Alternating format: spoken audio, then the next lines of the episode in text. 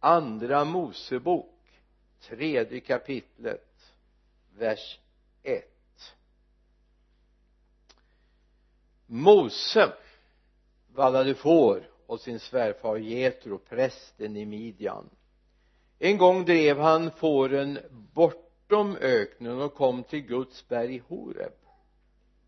Där uppenbarade sig Herrens ängel för honom i en eldslåga som slog upp ur en buske han såg att busken brann av elden utan att busken brann upp och tänkte Mose jag måste gå dit och betrakta den underbara synen och se varför busken inte brinner upp. Men Herren såg att han gick för att se efter. När Herren såg att han gick för att se efter ropade Gud till honom ur busken Mose, Mose. Han sa här är jag då sa Gud kom inte hit. Ta av dig skorna. Ty platsen där du står är helig mark. Han sa jag är din faders Gud Abrahams Gud Isaks Gud och Jakobs Gud. Då dolde Mose ansiktet ty han bävar för att se på Gud.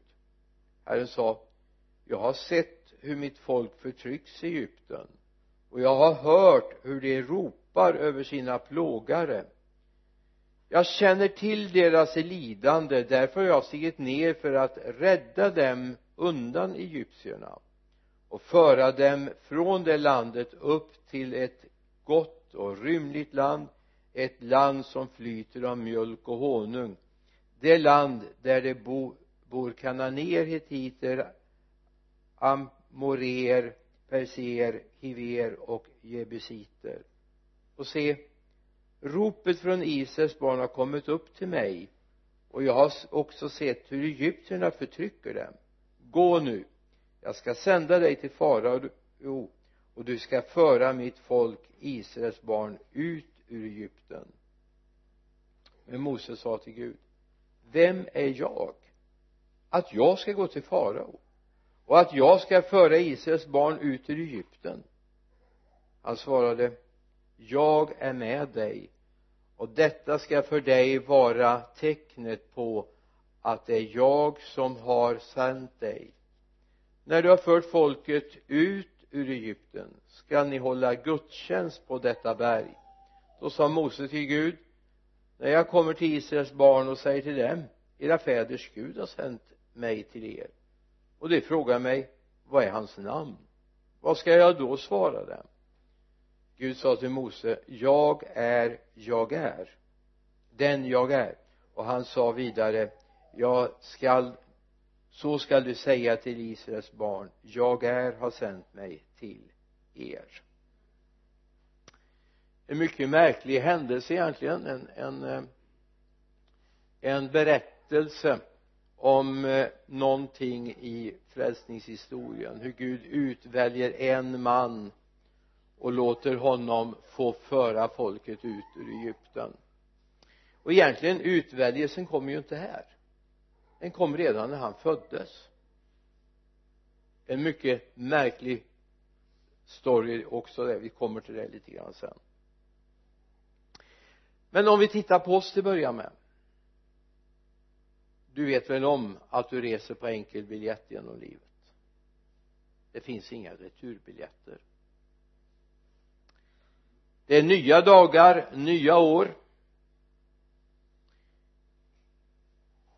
Det är inte som de här tv-kanalerna som ständigt kör repriser sånt, sånt är inte livet. Även om ett barn skulle råka gå om en klass i skolan så är det faktiskt ett nytt år som den går om. Som väl är händer det inte så ofta nu för tiden. Då ska det vara något alldeles extraordinärt. Barnaåren, ungdomsåren går inte i repris. Det sa en gammal farbror till oss när vi hade små barn. Tänk på det. Barnaåren går inte i repris. De är här och nu. Det går inte att konservera dem utan man får leva med dem. Så är livet snart är vårt liv förbi. Och vi får konstatera vad gjorde jag med det? Ändå mitt i det säger predikaren något märkligt i det första kapitlets nionde vers. Det som blivit gjort kommer att göras igen. Och det som hänt kommer att hända igen.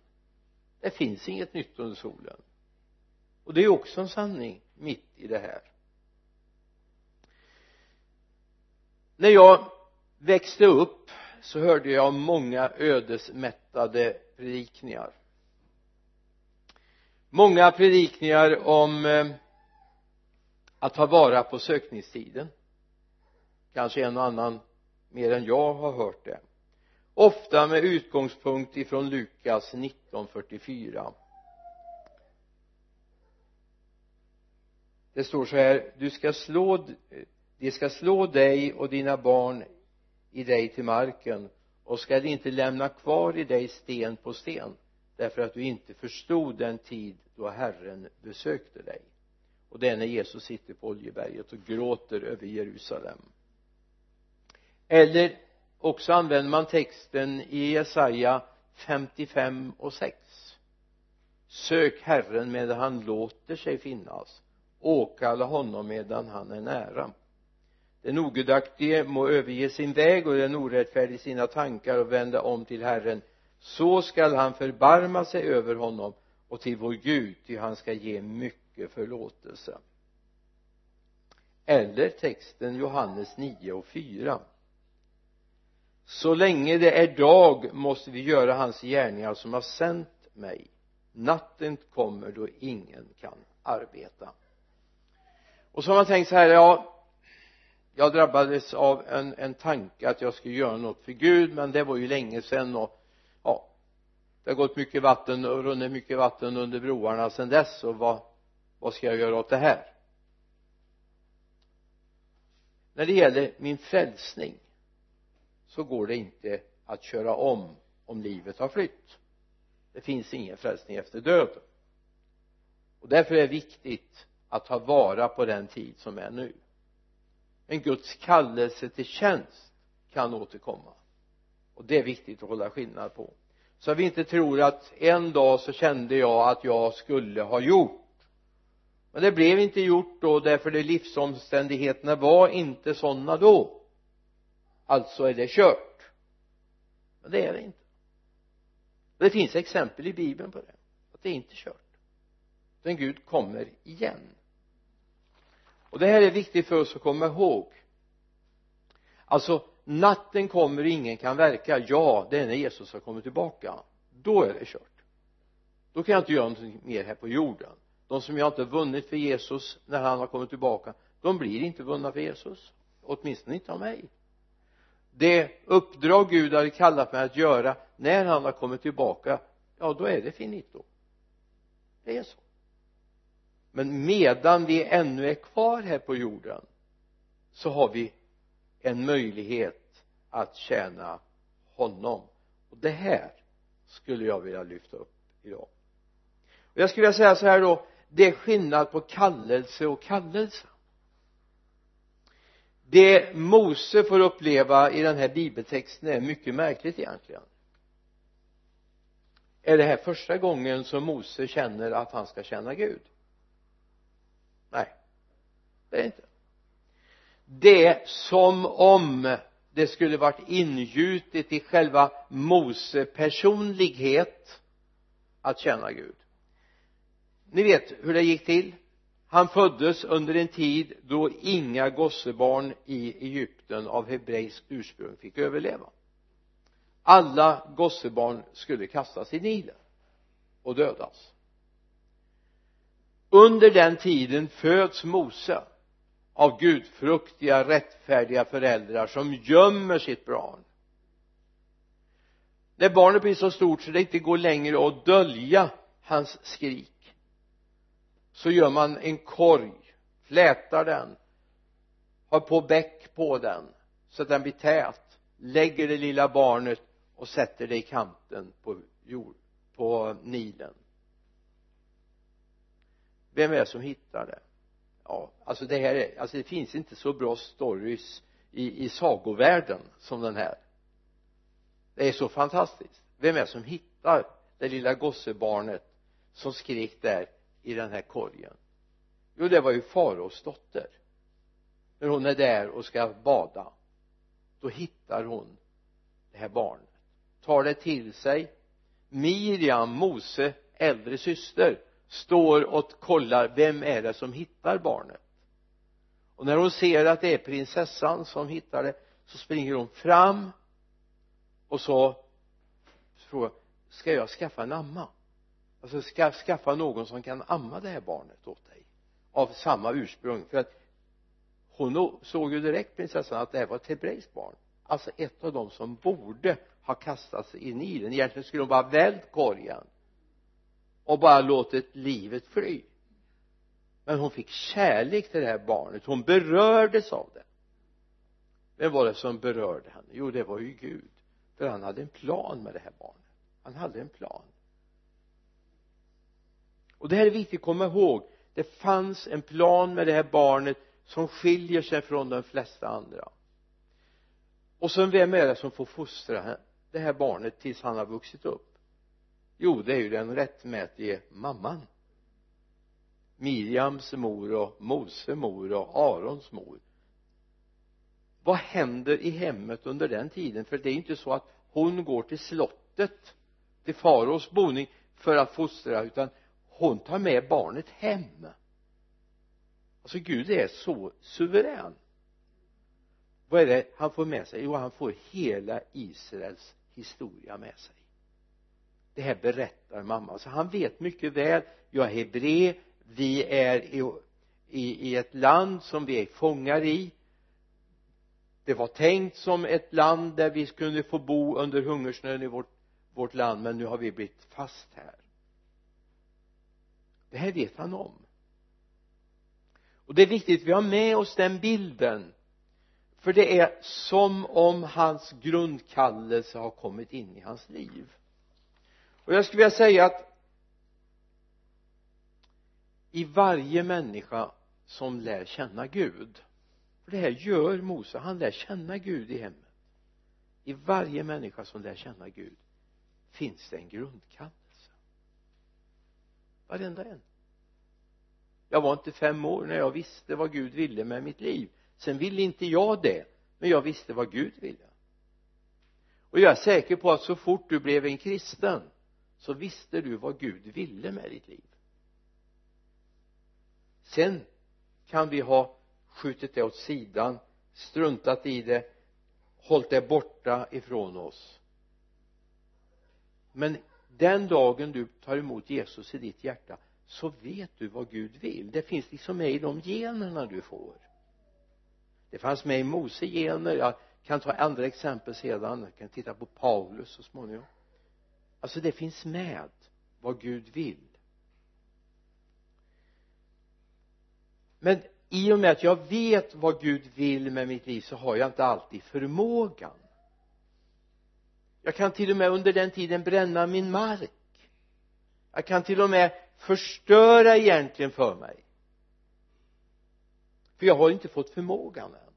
Alltså det är skillnad med att veta vad Gud vill och få förmågan att göra det det Gud vill. Det är exemplet med Mose. Får ta det här väldigt snabbt för som jag sa jag hade en del att säga.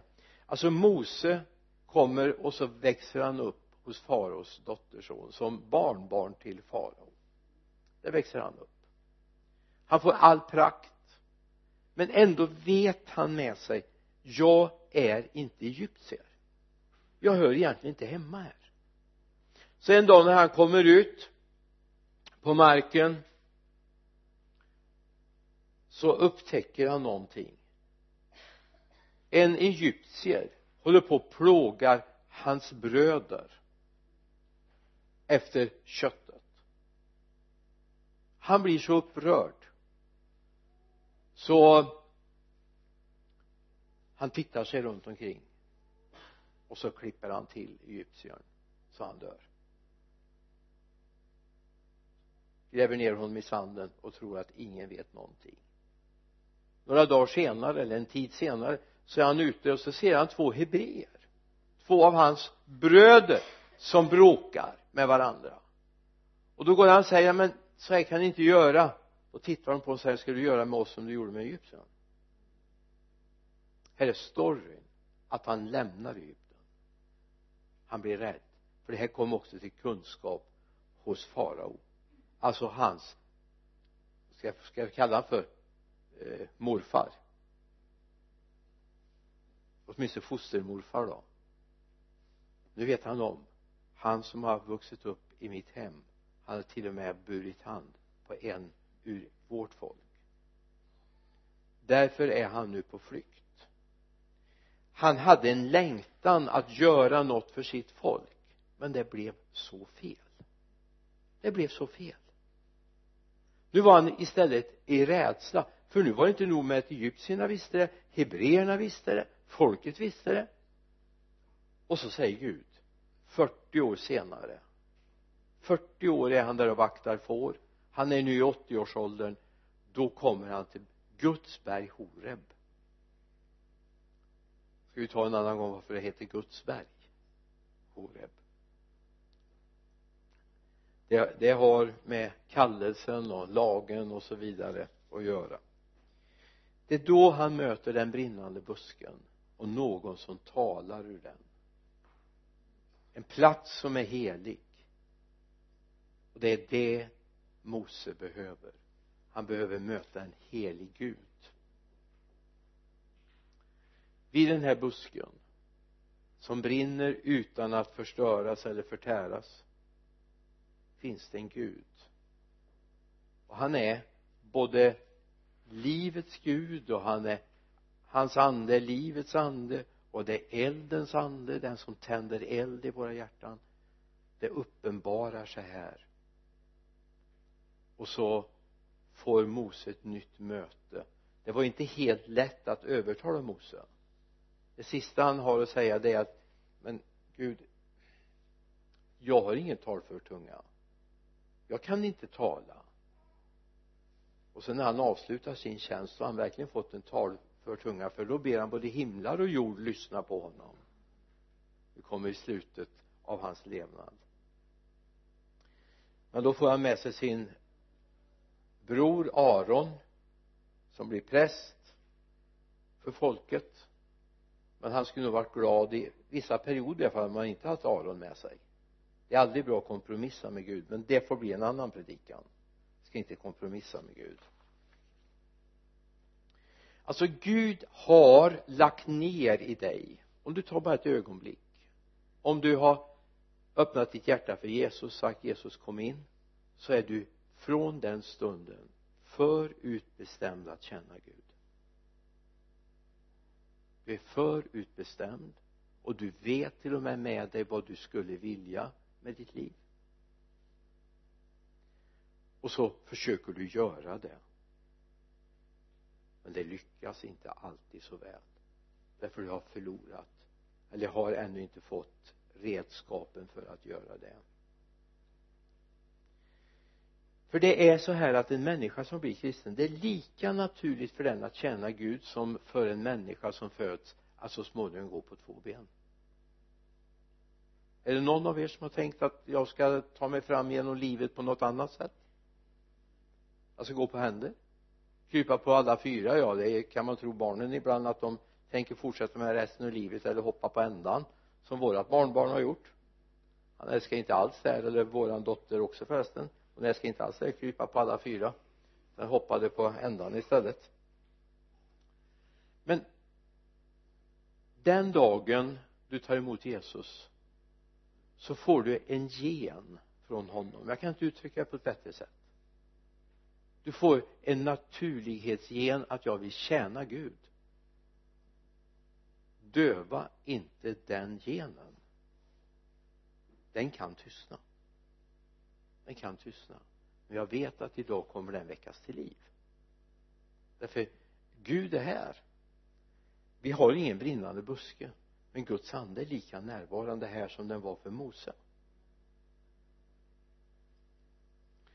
Så ta vara på det här. Och sen kan vi se tillbaka ibland och säga att ja men jag försökte och det blev så fel. Är det någon mer än jag som har känt så? Det blev så fel. Jag försökte jag, var, jag försökte vara en duktig eh, elev och, och, och, och, och göra rätt och jag, jag brann verkligen av en längtan att göra rätt. Men det blev ändå fel.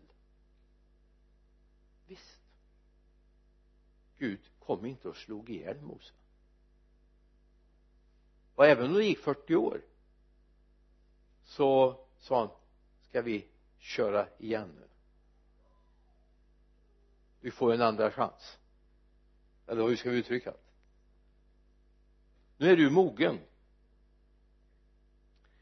alltså det är skillnad på kallelse och kallelse. Kallelsen att jag ser vad Gud vill och behöver.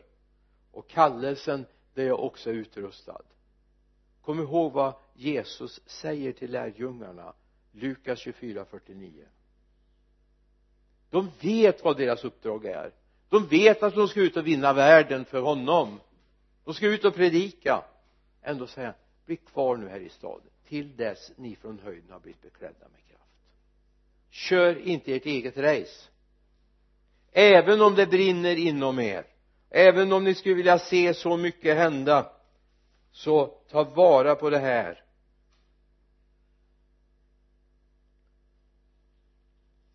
Vi kan titta lite grann på Paulus i apostlagärningarna 9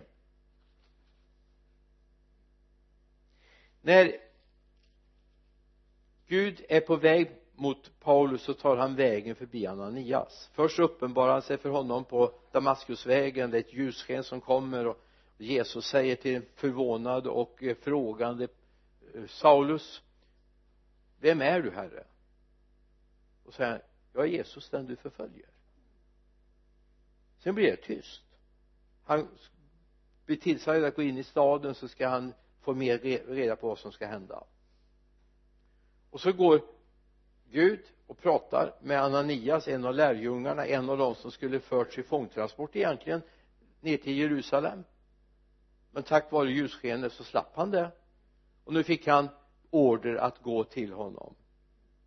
Och då står det i femtonde versen 15 och 16 men Herren sa till honom gå han är ett redskap som jag utvalt för att bära fram mitt namn inför hedningarna och konungar och inför Israels barn.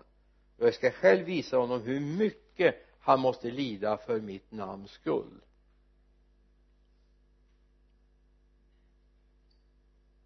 Alltså här är starten.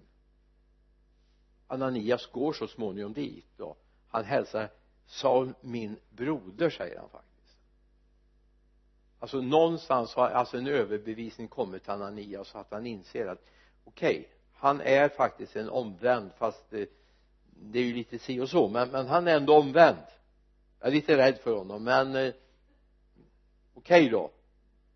Gud har ju sagt att det här kommer gå bra. Och då litar jag ju på det.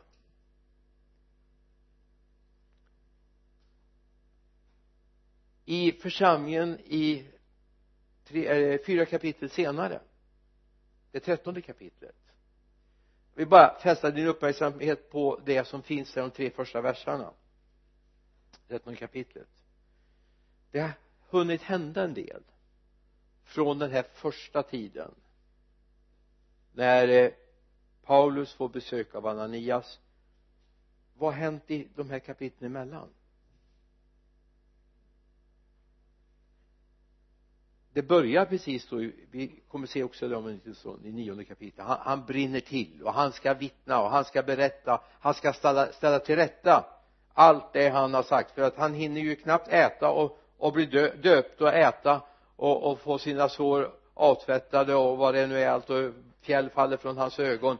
För han ska upp och så ska han tala om att den här Jesus som jag har sagt att han det är inget att tro på han är Guds son.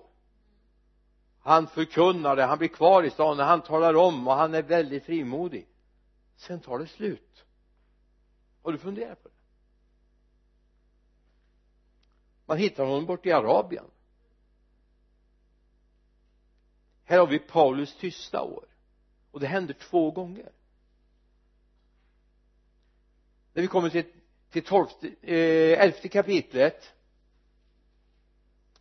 så är Barnabas tröstens son då är han ute och letar efter Paulus.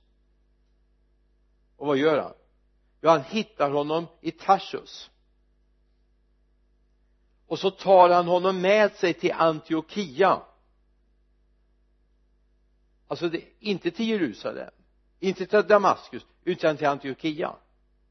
Varför det? Jo Antiochia skulle bli den utsändande missionsförsamlingen. Den som skulle skicka ut missionärer. Och Guds ande visste vad han skulle göra. Och det är först i Antiochia står det som de blir kallade kristna då som ett själsbegrepp nu som ett ärebegrepp, eller hur? Det fanns en kallelse först det brinner till hos Paulus han vill berätta för allt och alla och, och ställa till rätta det han har gjort. Sen blir han tyst. Därför det kommer en period av prövning av det han har upplevt. Ända till den dagen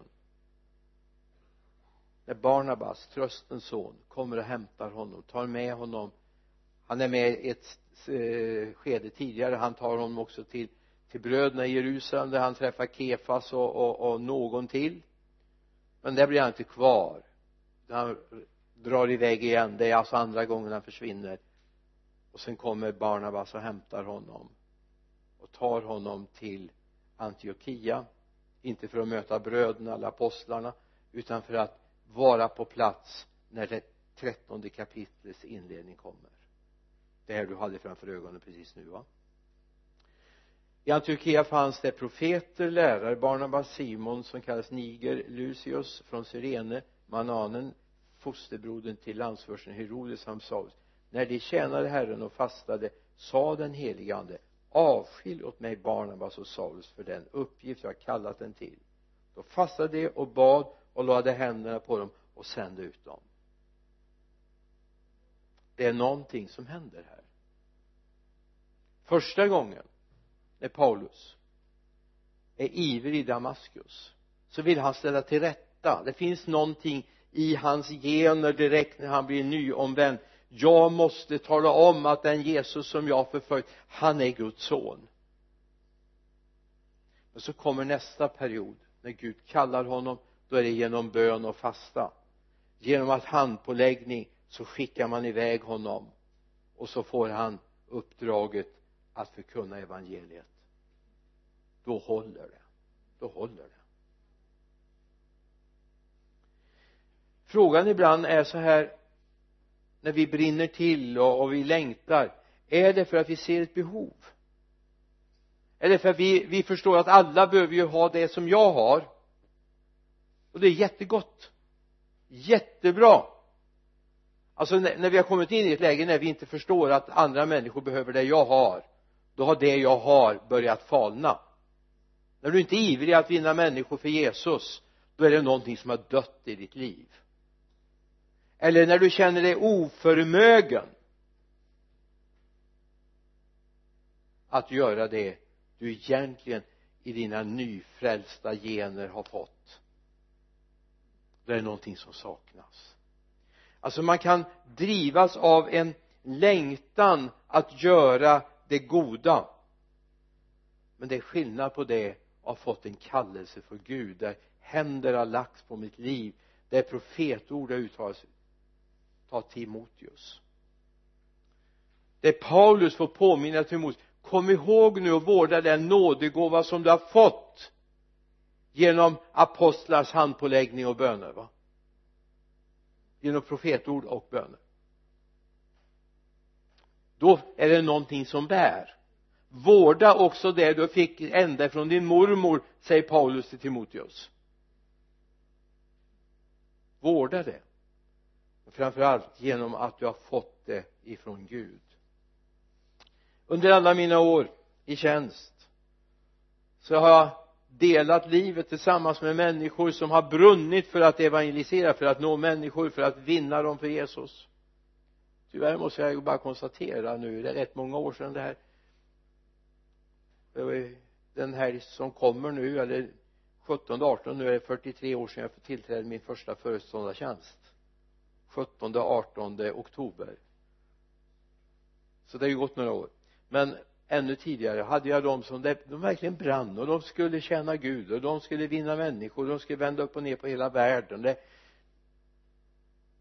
par år så satt de på några tjänster istället. De hade fått bra befattningar och, och, och var väldigt angelägen om att tjäna pengar och få det bra. Och så funderar man var, var tog det vägen? Jo det är den här första niten man brinner till av. men det är inte alltid man är utrustad för det eller man är smord för det.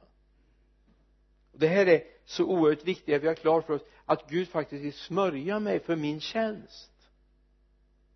Det handlar inte bara om att se ett behov. Jesus lyfter upp eh, behoven. Han har sett hur ömkligt det är med människorna illa medfarna som får utan herde samtidigt säger han skörden är stor men arbetarna är få. Be därför skördens herre att han sänder ut arbetet sin skörd. Jesus kunde ju ha hållit ett brandtal för dem att nu får ni inte sitta här och, och soffa och, och, och bara ha det bra. Det handlar inte om att se alla tv-programmen eller ja det var ju inga tv-program på den tiden men det fanns säkert gladiatorspel och lite sånt som man kunde gå på åka till Rom på turistresa gå på Colosseum och lite sådana här grejer va? Så han kunde ju hållit ett brandtal till dem. Ser ni inte hur illa ställt det är med människorna? Sitt inte och häcka nu utan kom igång nu! Det säger inte Jesus. Han säger inte det. Vad säger han? Be därför skördens herre att han sänder ut arbetare alltså det är inte så att vi ska tala om för varandra ge varandra dåligt eh, samvete för att vi inte vinner människor. Utan vi ska be varandra och är det något vi ska ha dåligt samvete för så är det att vi inte ber. Att vi inte söker Gud. Därför det är det han ber om. Be därför skördens herre att han sänder ut arbetare till sin skörd. Och då kan det ju också drabba mitt hjärta då kan det också beröra mig. Så att jag också vill vara med i verket för Guds rike. Så frågan är är det bara för att jag ser ett behov jag vill fylla det? Eller är det därför att Gud har gett en kärlek i mitt hjärta för att vinna människor för att tjäna församlingen för att göra det Gud vill? Så att det inte blir någonting jag gör av egen kraft för det kommer inte hålla i längden. Mose behövde 40 år på sig. Mose behövde 40 år. Du ska inte behöva 40 år va? Alltså Mose kan man dela in i, i tre gånger 40 år. Först har han 40 år av eh, då han växer upp och blir en mogen man och så händer det här tragiska. Han var ju ingen liksom pojkspoling när han slår ihjäl den här egyptiern. 38, 39 år. Och så är det kört och så drar han ut och så blir han fåraherde och får en bra skola av Gud. Så kommer den här brinnande busken och möter honom, Gud möter honom. Och där får han sin förnyade kallelse och jag bara känner att idag är Gud här och ger en förnyad kallelse i någons liv.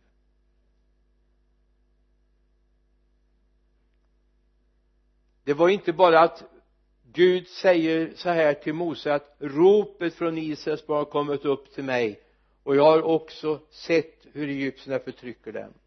Utan framförallt var det mötet med den helige som gällde. Det var det det handlade om det handlade om att han fick möta Gud själv. Bli präglad, upplyst i sitt hjärta av honom.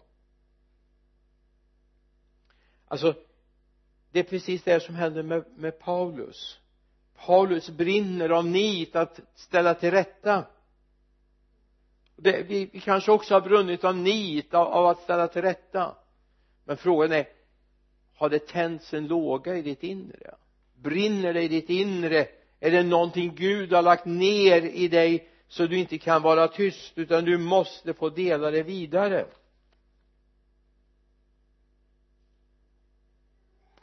Han började genast predika i synagogorna att Jesus är Guds son står det om Paulus.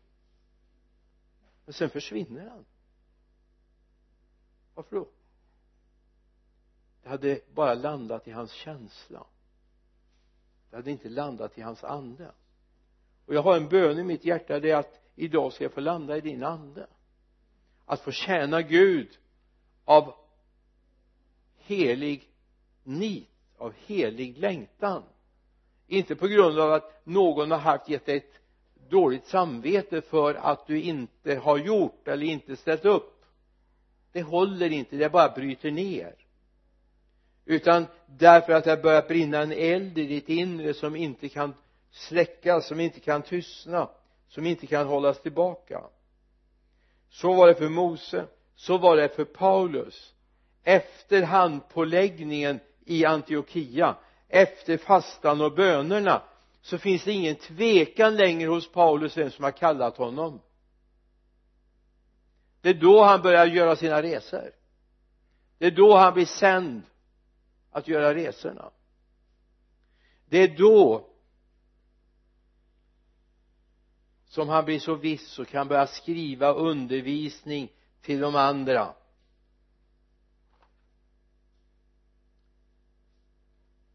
Det räcker alltså inte att du känner behoven.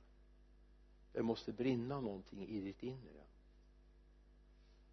Det är den hälsningen jag har till oss idag. Det måste brinna i ditt inre du måste ha mött honom. Inte bara sett ett behov alltså det blir ingen kallelse av att du ser att att det eller det blir inte ås, å, gjort om inte jag gör det. Det är bra med trohet och det är bra med att vi håller i och gör det vi vill. Men är det så att du ser ett behov så börja be för det att det ska fyllas istället. Det kan hända att Gud drabbar dig. Sen är det inte onaturligt. Jag sa ju det förut för en kristen att när jag blir kristen så känner jag ett behov av att tjäna. Hela mitt liv ändras. Prioriteterna blir helt annorlunda. Men det är inte säkert att du ska springa iväg direkt för det. Du kanske ska börja be istället. Att Gud sänder arbetare sänder dig utrustar dig för att tjäna honom med den uppgift som han vill att du ska tjäna honom. Inte utifrån vad du känner eller tycker utan utifrån vad han tycker. Det Gud har lagt ner i oss vill han också ge liv. Ge överflödande liv. Alltså det är ju så här förstå bilden då. När vi kommer tillbaka från slagfältet så ska vi inte se ut som en slagen armé utan det ska vara jubel och glädje i Guds hus alltså vi ska inte hänga med huvudet på söndag kvällen har vi haft två möten. Det var så jobbigt. Det ger kraft till nästa vecka också. Wow! Det var så underbart. Så nu måste jag ha med mig alla här i skolan alla på jobbet till kyrkan nästa helg. Därför att han möter människor och ger en ny livsgnista. Ska vi göra så att vi ber tillsammans nu? Jag bara känner att vi ska be tillsammans. Så att det här får landa i våra hjärtan. Jag, jag bara känner att det är det vi ska stanna just nu. Vi ska be att det här får landa att du förstår att okej okay, jag ser behoven. Jag vill gärna ställa upp. Jag vill gärna hjälpa till. Det är bara signalen nu ska du börja be. Ska du bara börja be. Och det ska du göra nu. Fader jag tackar dig för att du ser behoven som finns jag tackar dig herre för att du ska hjälpa oss att vi kan uppfylla dem på det sätt som du vill. Herre att du tänder någonting i djupet av våra hjärtan Jesus. Herre att du tänder en glöd, en eld som får flamma upp i vårt inre. Gud vi vill ha sådana här eldsupplevelser genom den heliga ande. Att du döper oss i den heliga ande och eld så att vi blir farliga för djävulen. Att vi blir farliga för mörkrets rike. Därför att vi brinner av en kärlek från dig. Jag tackar dig Jesus. Amen. Är någon mer som ber tillsammans med oss nu? Så jag har en liten avslutning sen.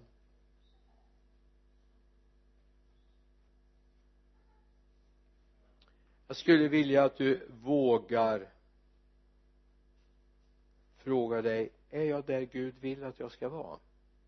Jag försöker ställa upp, jag försöker vara med.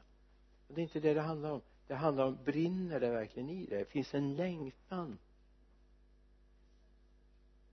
Ja då kommer du inte slitas ut. Jag tror inte man blir utbränd i Guds rike. Man blir utbränd av mänskliga krav men inte av, av längtan att att göra Guds vilja. Det blir man inte utbränd av och vi ska inte bli utbrända naturligtvis inte. Vi ska bli uppbyggda av honom. Nu ska vi lovsjunga Gud. Varsågoda.